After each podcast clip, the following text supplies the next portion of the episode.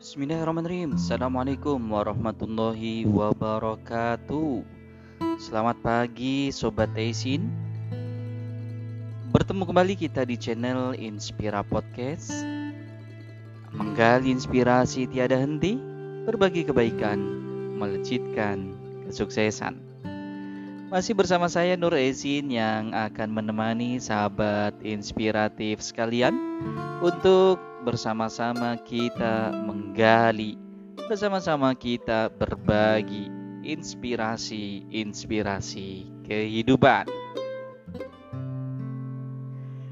Episode ketiga ini kita masih akan membahas ngobrol santai, menggali inspirasi-inspirasi dari puisi karya Taufik Ismail berjudul Jangan Teriak Merdeka malu kita. Sobat Desin sekalian, kita akan coba menggali inspirasi. Kesempatan ini kita di bait ketiga. Bunyinya seperti ini. Negeri Katulistiwa dihampari kekayaan alam yang luar biasa. Namun dikelola oleh orang lain. Rakyat hampir tak menikmatinya jika kekayaan alam ini belum bisa dikuasai negara, jangan teriak merdeka. Lebih baik diam dan berpikir malu kita. Oke sobat Esin, bait ketiga ini membahas tentang kekayaan alam negeri Indonesia yang luar biasa. Teringat kita dulu ada syair lagu dari Kus Plus yang kemudian segala macam apa yang kita tanam di negeri kita di tanah kita ini akan menghasilkan komoditi, menghasilkan produksi yang bisa memenuhi kebutuhan kita sehari-hari. Kurang lebihnya kalau kita lantunkan seperti Bukan lautan hanya kolam susu. Kail dan jala cukup menghidupimu. Tiada topan, tiada badai kau temui. Ikan dan udang menghampiri dirimu. Orang bilang tanah kita tanah surga Tongkat kayu dan batu jadi tanaman. Orang bilang tanah kita tanah surga Tongkat kayu dan batu jadi tanaman. Nah kurang lebihnya seperti itu Sobat Esin. Nuresin coba melantunkan Walaupun tentunya dengan suara yang ala kadarnya Sobat Esin sekalian. Oke selanjutnya Nuresin coba mencari-cari referensi nih Untuk melihat sebenarnya seperti apa sih kualitas lingkungan hidup negeri kita saat ini.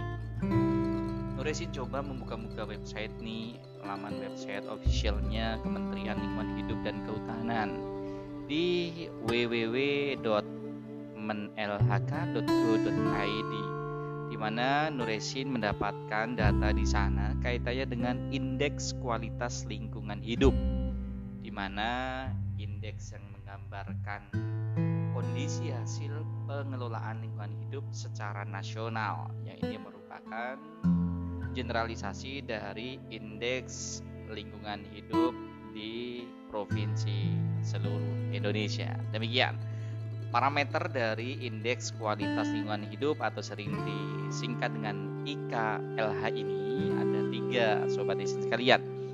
Pertama adalah indeks kualitas air. Kemudian yang kedua adalah indeks kualitas udara dan yang ketiga adalah indeks kualitas tutupan lahan. Kemudian bagaimana hasilnya? Kalau kita lihat data dari Kementerian Lingkungan Hidup dan Kehutanan ini, Sobat Esin sekalian, ternyata kualitas lingkungan hidup Indonesia saat ini ada di level 66,55 persen. Artinya predikatnya adalah ini cukup baik. Alhamdulillah masih cukup baik, tapi harusnya bisa lebih baik karena kan kita negeri katulistiwa, bentangan air bentangan samudra dan hutan kita dulunya luas luar biasa begitu Nilai 66,55% ini adalah hasil perhitungan dari kumulatif indeks kualitas air senilai 52,62 persen, kemudian indeks kualitas udara 86,56 persen, kemudian indeks kualitas tutupan lahan 62 persen. Sobat Esin menarik juga kalau kemudian kita lihat sebenarnya eh, bagaimana kemudian indeks kualitas lingkungan hidup di provinsi-provinsi di seluruh Indonesia. Di sini Kementerian Lingkungan Hidup dan Kehutanan mencoba mapping seperti itu. Ada beberapa grade sangat baik, baik, cukup, kurang baik dan sangat kurang baik. Kita lihat coba sobat sekalian. Yang ternyata kualitas lingkungan hidupnya itu mendapat predikat sangat baik di mana indeksnya itu di atas 80% itu ada empat provinsi sobat desin sekalian di mana saja itu ada di Papua Barat, Papua, Provinsi Kaltim, kemudian Sulawesi Tengah. Wow, masya Allah berarti udara di sana, air di sana relatif eh, lebih baik di antara dibandingkan dengan daerah yang lainnya. Kemudian ada delapan provinsi yang digolongkan dalam indeks kualitas lingkungan hidupnya adalah baik, yaitu di antara 70 sampai 80 yaitu ada Kaltara, ada Maluku Utara, ada Aceh, Gorontalo, Kalimantan Tengah, Sulawesi Tenggara dan juga Sulawesi Barat. Menariknya ini sobat isin sekalian, ternyata tempat Nuresin tinggal nih saat ini ada di DKI Jakarta itu termasuk e, dua di antara apa namanya daerah yang kemudian kualitas lingkungan hidupnya e, kurang bersahabat, kurang baik predikatnya yaitu ada di Jogja dan di DKI Jakarta. Lemah? Kecewa? Jangan seperti itu kecewa boleh, tapi kita harus tetap menggali inspirasi apa yang bisa kita perbaiki untuk meningkatkan kualitas lingkungan hidup kita. Kita tidak perlu kemudian mencari kambing hitam atas semuanya itu, tapi bagaimana kita mencari inspirasi dan solusi atas permasalahan itu. Sobat Desin sekalian, untung kita punya BPK, Badan Pemeriksa Keuangan Republik Indonesia, di mana BPK telah melaksanakan pemeriksaan pengelolaan dan tanggung jawab keuangan negara di Kementerian Lingkungan Hidup dan Kehutanan. Tidak hanya laporan keuangannya saja sobat desin sekalian yang diperiksa, tapi juga BPK melakukan pemeriksaan atas kinerja dari Kementerian Lingkungan Hidup dan Kehutanan. Coba Nur Esin di sini mencari referensi lagi nih biar yang kita obrolin itu ada dasarnya. Sobat Esin sekalian, Nur Esin coba mencari dari laman website BPK di www.bpk.go.id. Ternyata di tahun 2021 BPK juga telah melaksanakan tuh pemeriksaan kinerja atas efektivitas pemantauan pengelolaan limbah B3 dan pemulihan lahan terkontaminasi limbah B3 di Kementerian Lingkungan Hidup dan Kehutanan. Ada empat aspek yang kemudian menjadi sorotan BPK. Yang pertama adalah aspek perencanaan strategis dalam kegiatan pemantauan pengelolaan limbah B3 dan pemulihan lahan yang terkontaminasi. Highlightnya apa? Ini perlu disempurnakan lagi, disinergikan lagi. Untuk apa? Untuk memitigasi dampak pada manusia dan lingkungan. Aspek yang kedua adalah kaitannya dengan dukungan kelembagaan dan sumber daya. Dalam hal ini, BPK menyoroti kaitannya dengan perlunya sistem informasi untuk menjamin pemantauan atas seluruh pengelolaan limbah B3 dan terpulihkannya lahan terkontaminasi. Aspek yang ketiga adalah kaitannya dengan pelaksanaan pemantauan yang kemudian perlu teroptimalisasi lagi.